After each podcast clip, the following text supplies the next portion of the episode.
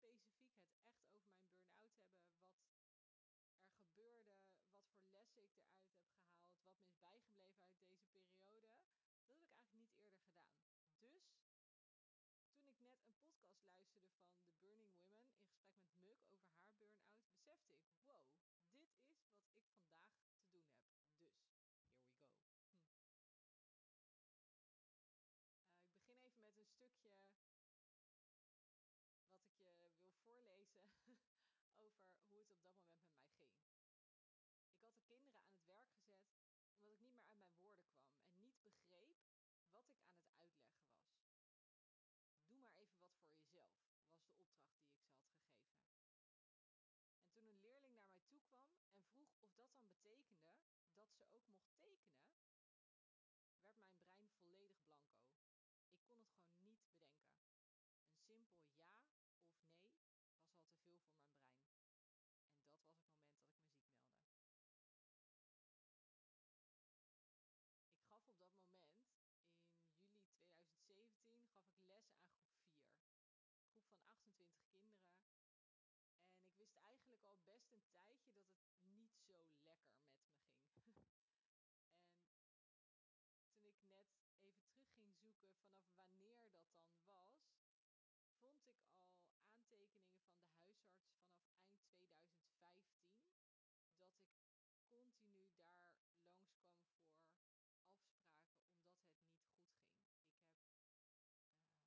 Ik was oververmoeid. Ik had haaruitval. Ik had, uh, of ik was heel erg benauwd. Daar heb ik nog voor gehad. Ik ging door mijn rug een aantal keer. En toch bleef ik doorgaan. Ik heb zelfs een aantal dagen les gegeven, terwijl ik midden in de klas op de grond lag, op mijn rug, met mijn voeten, of met mijn knieën zeg maar, uh, vanaf mijn knieën op een stoel, dus in een soort hoek van 90 graden, omdat ik zoveel pijn had aan mijn rug. Maar me ziek melden, mijn eigen grenzen aangeven,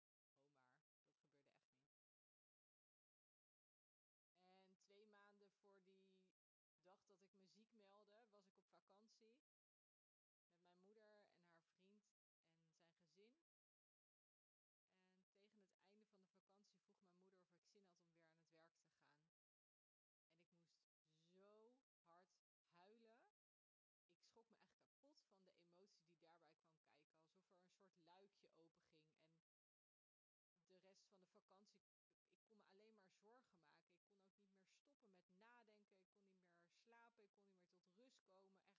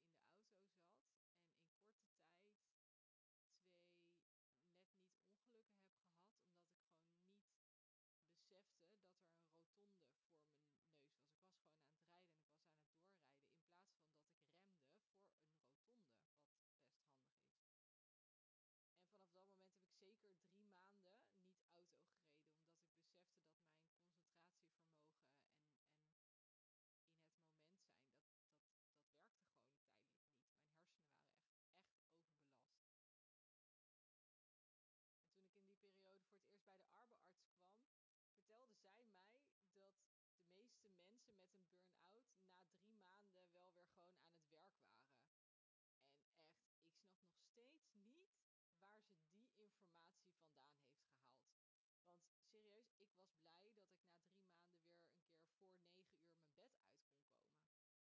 En het voelde bijna alsof toegeven aan die moeheid, aan, aan, eh, aan de burn-out eigenlijk, alsof dat het alleen maar erger had gemaakt in het begin. Dat maakte me soms ook wel moedeloos. Hoe kan het nou dat het alleen maar erger wordt? Wanneer wordt het dan beter?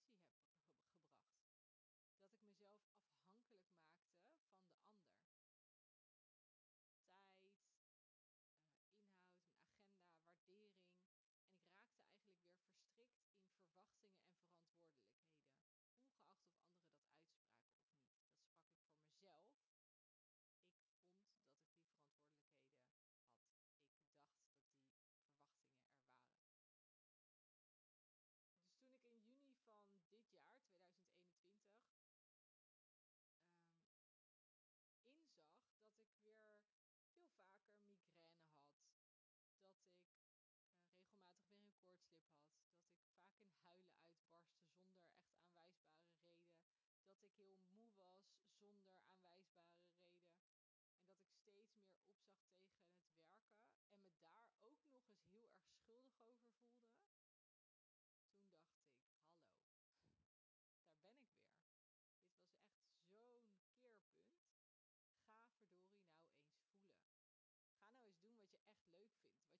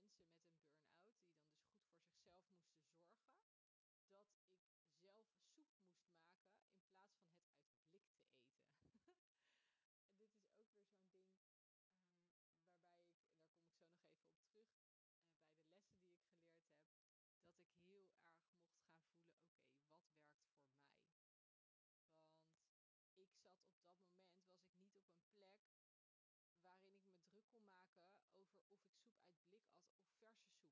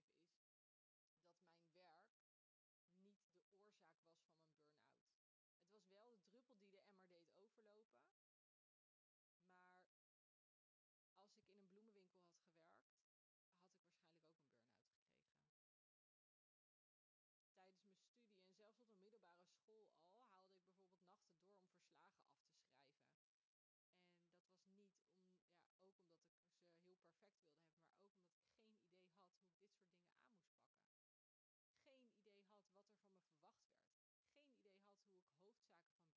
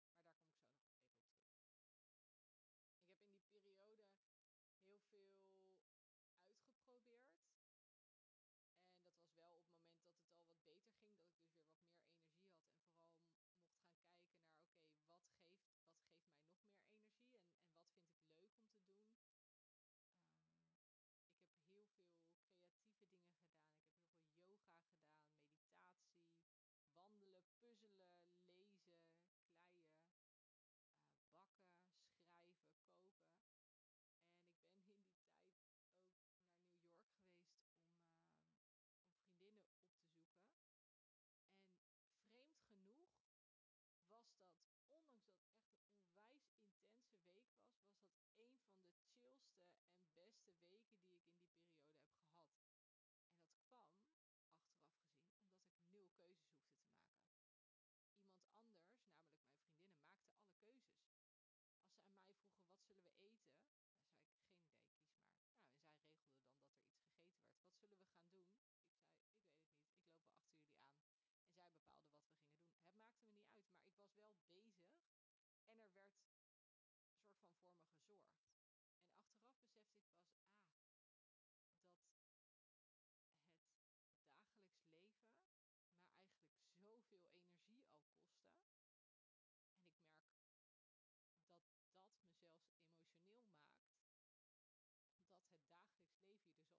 veel energie kan kosten.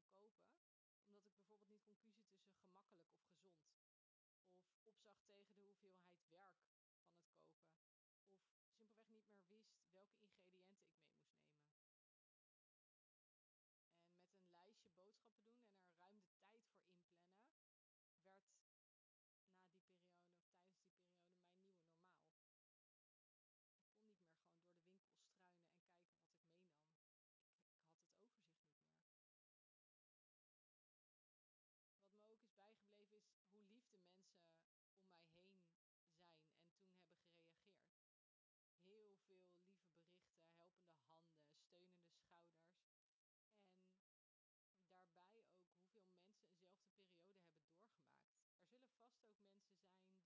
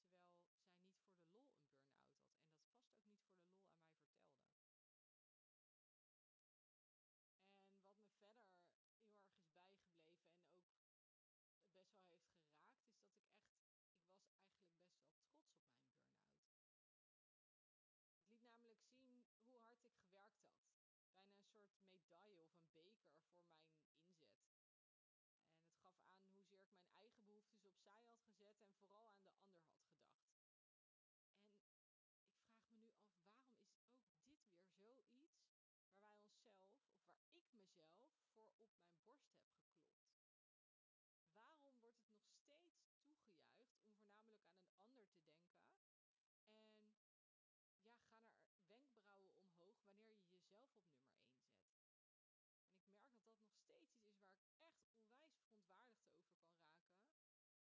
nog steeds normaal is om een ander belangrijker te maken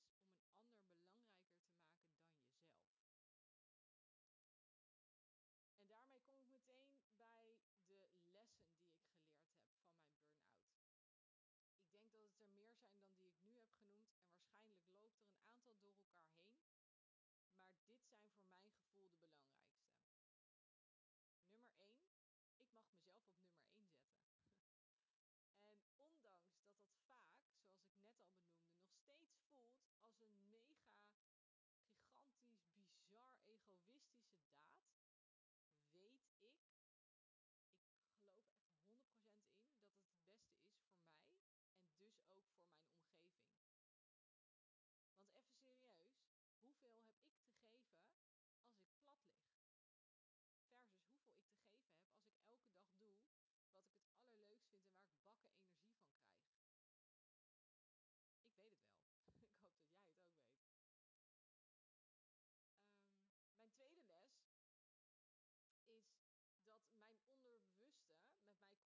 via mijn lichaam.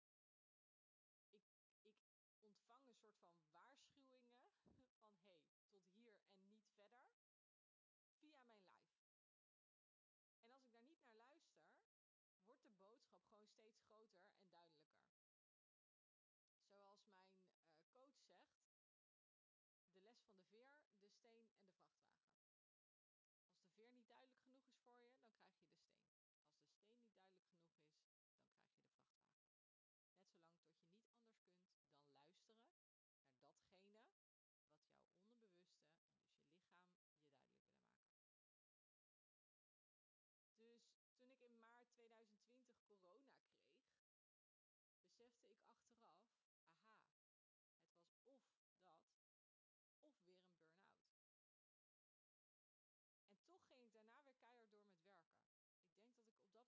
Bewust was van het feit dat het een van die twee was.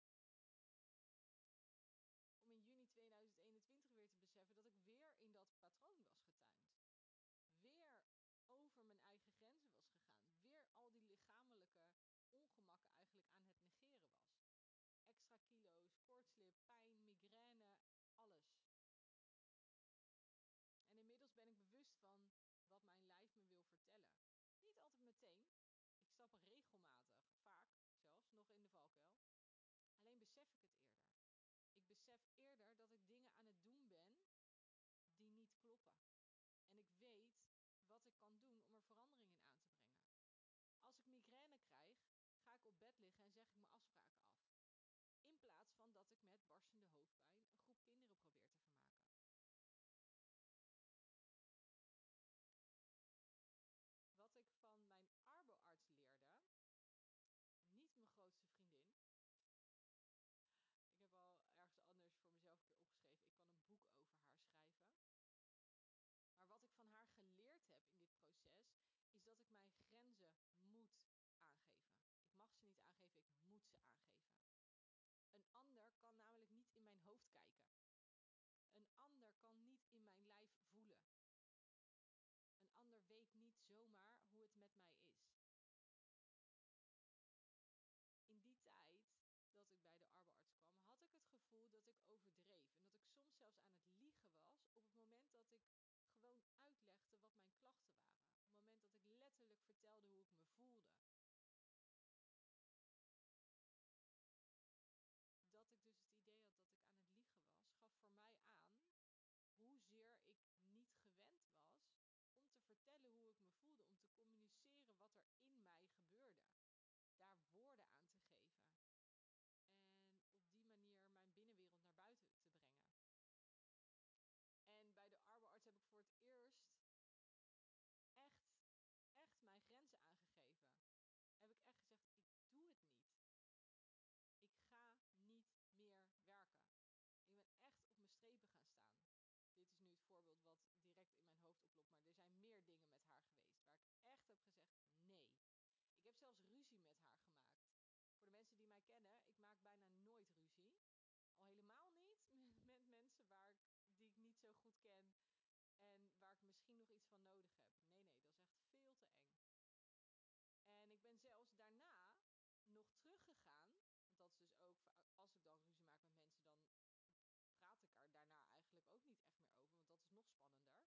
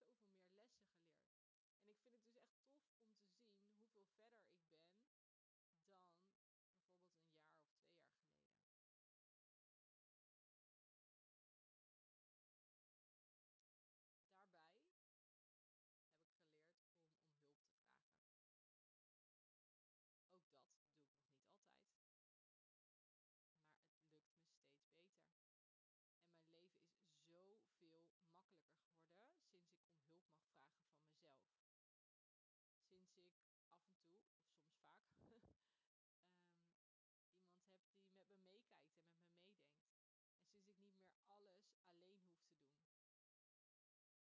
En voor mij is het zaak om op tijd hulp in te schakelen, want hoe minder lekker ik in mijn vel zit, hoe meer ik in mijn schulp kruip en dus minder hulp vraag. Maar ook als ik in dat schulpje zit, lukt het me steeds sneller om te beseffen: hé, hey,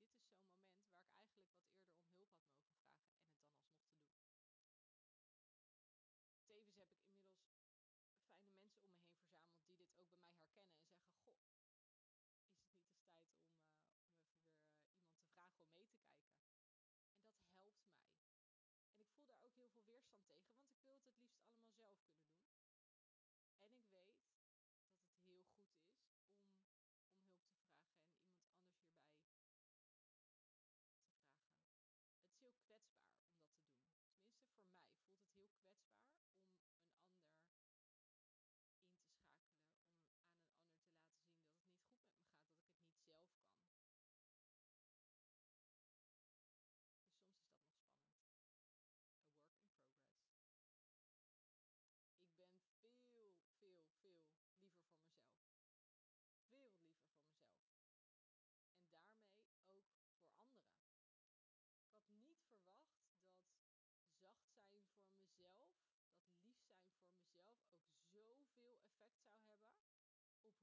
wereld om mij heen zie.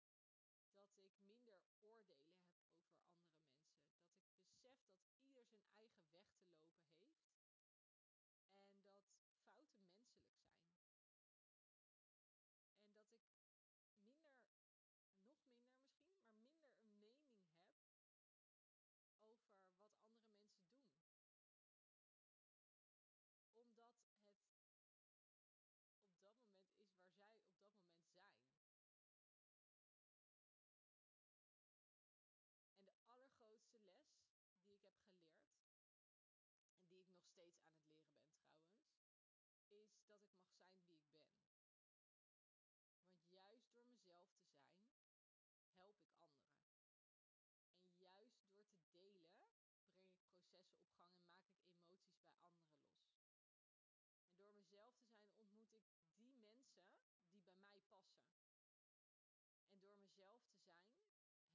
plezier in het leven.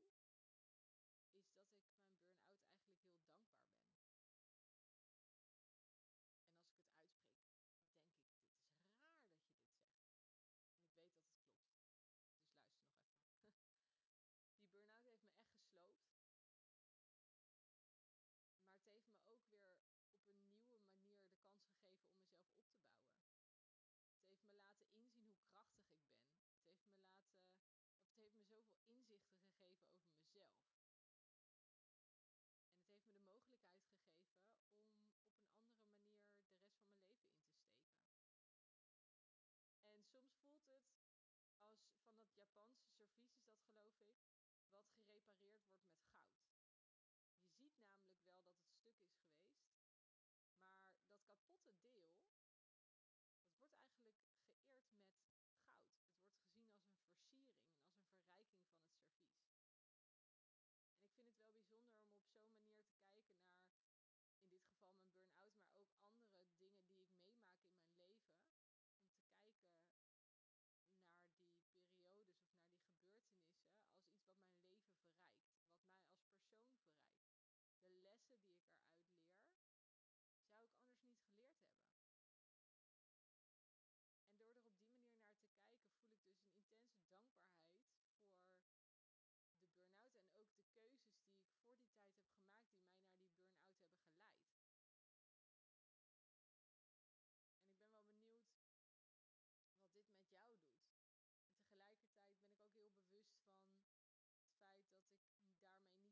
Dat een burn-out niet